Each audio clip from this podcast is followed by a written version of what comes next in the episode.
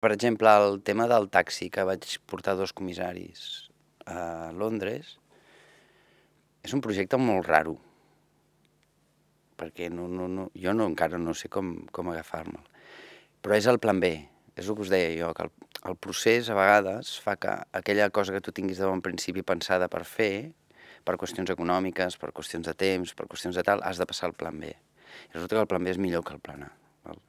Són aquelles coses que passen que a vegades te n'alegres que hagin passat, perquè resulta que allò que tenies guardat al calaix, que et pensaves no, és molt millor que no pas allò que havies pensat que era... Per això t'estic dient que hi ha factors que els projectes tant abans com després van variant. Lo de fer una empresa amb taxis i tal, hi ha una qüestió que m'agrada molt, que és barrejar la realitat amb la ficció i posar-la en dubte en el mateix lloc. Llavors, per exemple, el triomf per mi de, del projecte de, de la Tate, de, del cotxe, de fer jo taxista i portar dos comissaris. Per un cantó hi havia la qüestió de l'artista treballant pels comissaris, sí, posar-se al servei dels comissaris, si ser el treballador dels comissaris era la base del projecte. Però el projecte és interessant amb dues facetes. Una és quan crees l'empresa i es diu Chauffeur Service, eh, Mataró Chauffeur Service, val? Perquè el cotxe també, el cotxe que ens van deixar subvencionat és el que va fer que fos una empresa de luxe, perquè nosaltres pensàvem fer una empresa de taxis, però com BMW ens va deixar un cotxe de luxe, vam haver de canviar el rol i fer una empresa de luxe. Llavors el tema és, quan et posen la multa, si em van posar una multa, bueno, vam anar a buscar que ens posessin una multa, de tal manera que la multa passa a ser un factor real que es fica dins del treball i per un altre cantó és eh, la preocupació dels taxistes de Mataró perquè s'havia creat una empresa de taxis de luxe a Mataró perquè en cap moment vam pensar que era un, un fake. Val? Aquests dos punts a mi m'interessen molt, perquè llavors és com l'espectador que no pren atenció en les obres d'art per qüestions perquè els involucren ells sense donar-se en compte i participen. Tots els projectes tenen un títol, però el títol està relacionat amb una qüestió, si us hi fixeu, cinematogràfica. Sempre tenen un referent cinematogràfic per la qüestió de la narrativitat i, a més a més, perquè doncs um, pautes per entendre el treball molt més bé, perquè la pel·lícula té una relació amb el treball, però l'altra cosa és que amb una frase puguis dir un... Si el treball de Fiscarraldo no fa falta veure. Si més un tio que s'ha passat 55 dies muntant un barco, que llavors el barco és més gros que la porta de sortida i el trenca. Però aquesta història no és meva. O sigui, aquesta història és la que s'explica a Mataró perquè ens diuen capgrossos. Val? Llavors jo l'únic que faig és agafar una història de Mataró que ens diuen capgrossos i el que faig és traspassar-la dins el l'art. I em dedico a fer-la pe a pa igual. Vull dir que no, no faig variants de res. Però és molt com de, de històries tradicionals. Ah, llavors, per exemple, a la fàbrica, doncs, vaig a Estats Units a construir una fàbrica, que és una rèplica d'una fàbrica de Mataró, que han destruït per posar-hi un centre comercial, que hi ha una, un merder polític. A Mataró m'hi van odiar per això, val? perquè la problemàtica política era molt forta. Ni els polítics ni els que estaven en contra de tirar la fàbrica em van estimar, perquè jo el que vaig fer és un, un acudit molt fàcil d'agafar la fàbrica i posar-la als Estats Units. El que passa que és això, l'acudit aquí era molt fàcil, però un cop el traspasses als Estats Units i veus que als Estats Units hi ha una quantitat de còpies d'edificis d'Occident, d'Europa tremenda, entres en un altre joc. Però clar, la fàbrica la vaig construir jo, llavors, quin problema té això? Quan arribes als Estats Units i et diuen fes la fàbrica, et poses en un paleta. Val? I jo els vaig dir que jo no volia un paleta. Jo mai havia construït amb maons, però vaig dir, jo he vingut aquí a construir la meva fàbrica. Clar, si la faig perfecta, quina gràcia té. Llavors, el que vaig fer és construir la fàbrica jo amb les meves pròpies mans. De tal manera que el producte no era gens... En foto queda molt bé, però quan l'anaves a veure era un horror. Les parets eren tortes, saps? Vull dir que tenia molts defectes, tal. de tal manera que l'exposició, quan s'havia d'acabar, la fàbrica s'havia de tirar a terra i eh, la gent de Santa Fe, de, de New Mèxic, em va dir que se la volien quedar. I llavors es va quedar allà.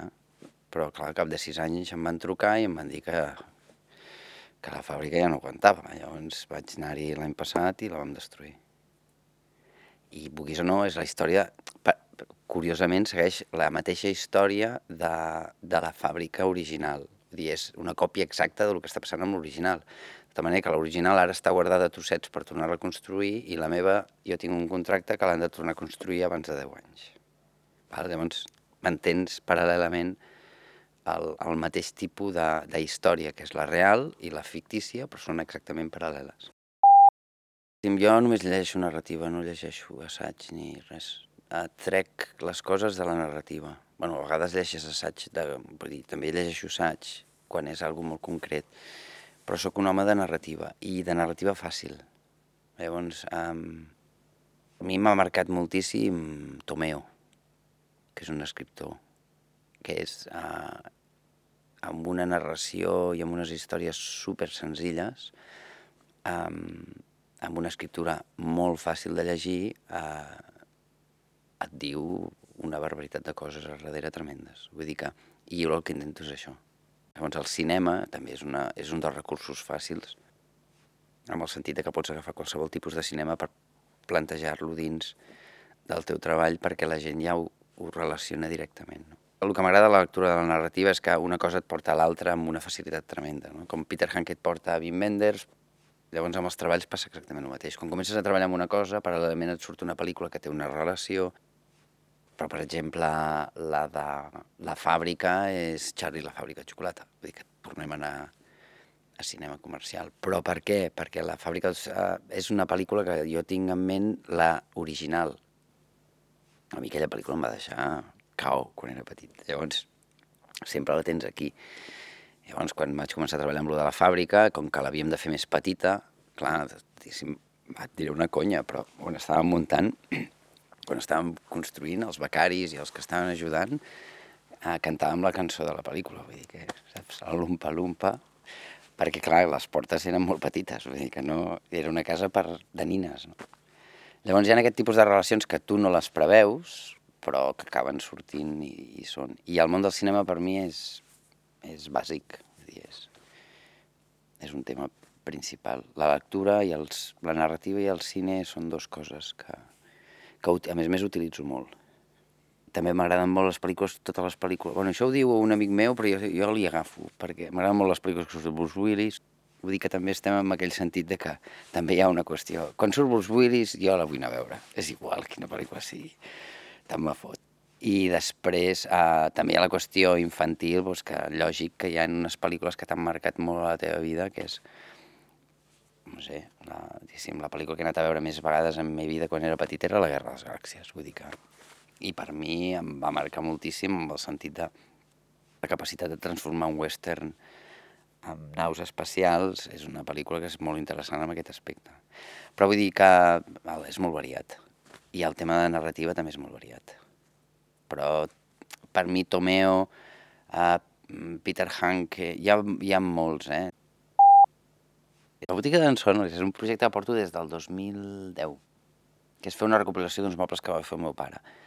L'interès que té el projecte bàsic és que els mobles del meu pare no els va fer per fer negoci, sinó que va ser una qüestió de gent que volien canviar el rol social de Mataró, amb el sentit... Llavors, igual que hi ha mobles, van crear una escola, van fer edificis en cooperativa, diguéssim, és un moviment social molt petit, però que el que volien fer era canviar l'estil de vida de l'època franquista. Val? I apareixen, tothom posa la seva, els seus coneixements personals sobre la taula, els advocats, les qüestions de llei, els arquitectes, l'arquitectura, i el meu pare tenia una facilitat en dibuixar, però no era ni dissenyador ni arquitecte, i el van agafar perquè fes els dissenys de mobles i tal.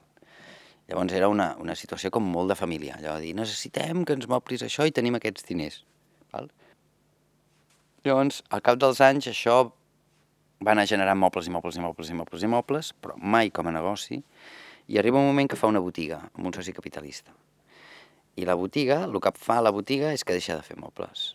Per què? Perquè es dona compte que canvia el rol de la relació del moble amb les famílies i passa a ser moble client. Val? Llavors, és un negoci per fer diners.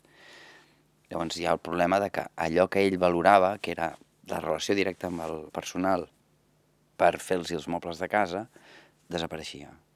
La gent anava allà i comprava el moble i marxava. I això no li agradava, perquè ell es va plantejar la botiga com un showroom per veure les possibilitats que tenien després per fer-se el pis. I no la va plantejar com una qüestió de produir mobles, mobles i mobles i vendre'l. Vale? Llavors, com que ja vaig començar a fer el, el tema aquest, el projecte meu és, és allò que havia d'haver fet el meu pare que no va fer, que és industrialitzar els mobles. I que és el que he fet a la botiga de l'Anson. Val? Llavors, el que he fet jo és buscar un sistema mecànic de tal manera que faig les rèpliques exactes dels mobles del meu pare, però amb altres materials i d'altra manera per posar-los, entre cometes, millor de preu. Mm? Llavors, quan fas una botiga, no deixa de ser una botiga. Llavors funciona, bueno, d'acord, és amb una exposició del MACBA i tot això, però funciona com a botiga. Llavors, la gent que ve o és perquè estan interessades en el disseny i no sé què, han vingut a escoles i coses així a veure el disseny i tal, però també t'entra la iaia o el tio que passeja el gos per mirar a veure què és i et pregunta la botiga, és molt maco, això està molt bé, que és molt, però no, tio, això m'agrada més, això i marxa. De tal manera que el, el treball té dos lectures molt clares, que és la gent que hi va directament perquè és l'exposició i la gent que passa pel carrer i veu allò però entra i no sap què és una, un projecte. O revistes d'arquitectura que volen fer... M'agrada molt perquè el projecte té moltes lectures i no només és artístic. La lectura artística, l'arquitectònica i la de gent del carrer. Llavors és una botiga fictícia, però alhora també real, i participa del, del, de l'entorn d'una manera real o fictícia perquè clar, els arquitectes parlen de la botiga, no diuen ni que és un projecte, no diuen que és un projecte d'art, parlen dels dissenys, parlen de... Llavors hi ha aquest factor que a mi m'interessa molt, que és el projecte tingui diversos visionats, que no només sigui artístic.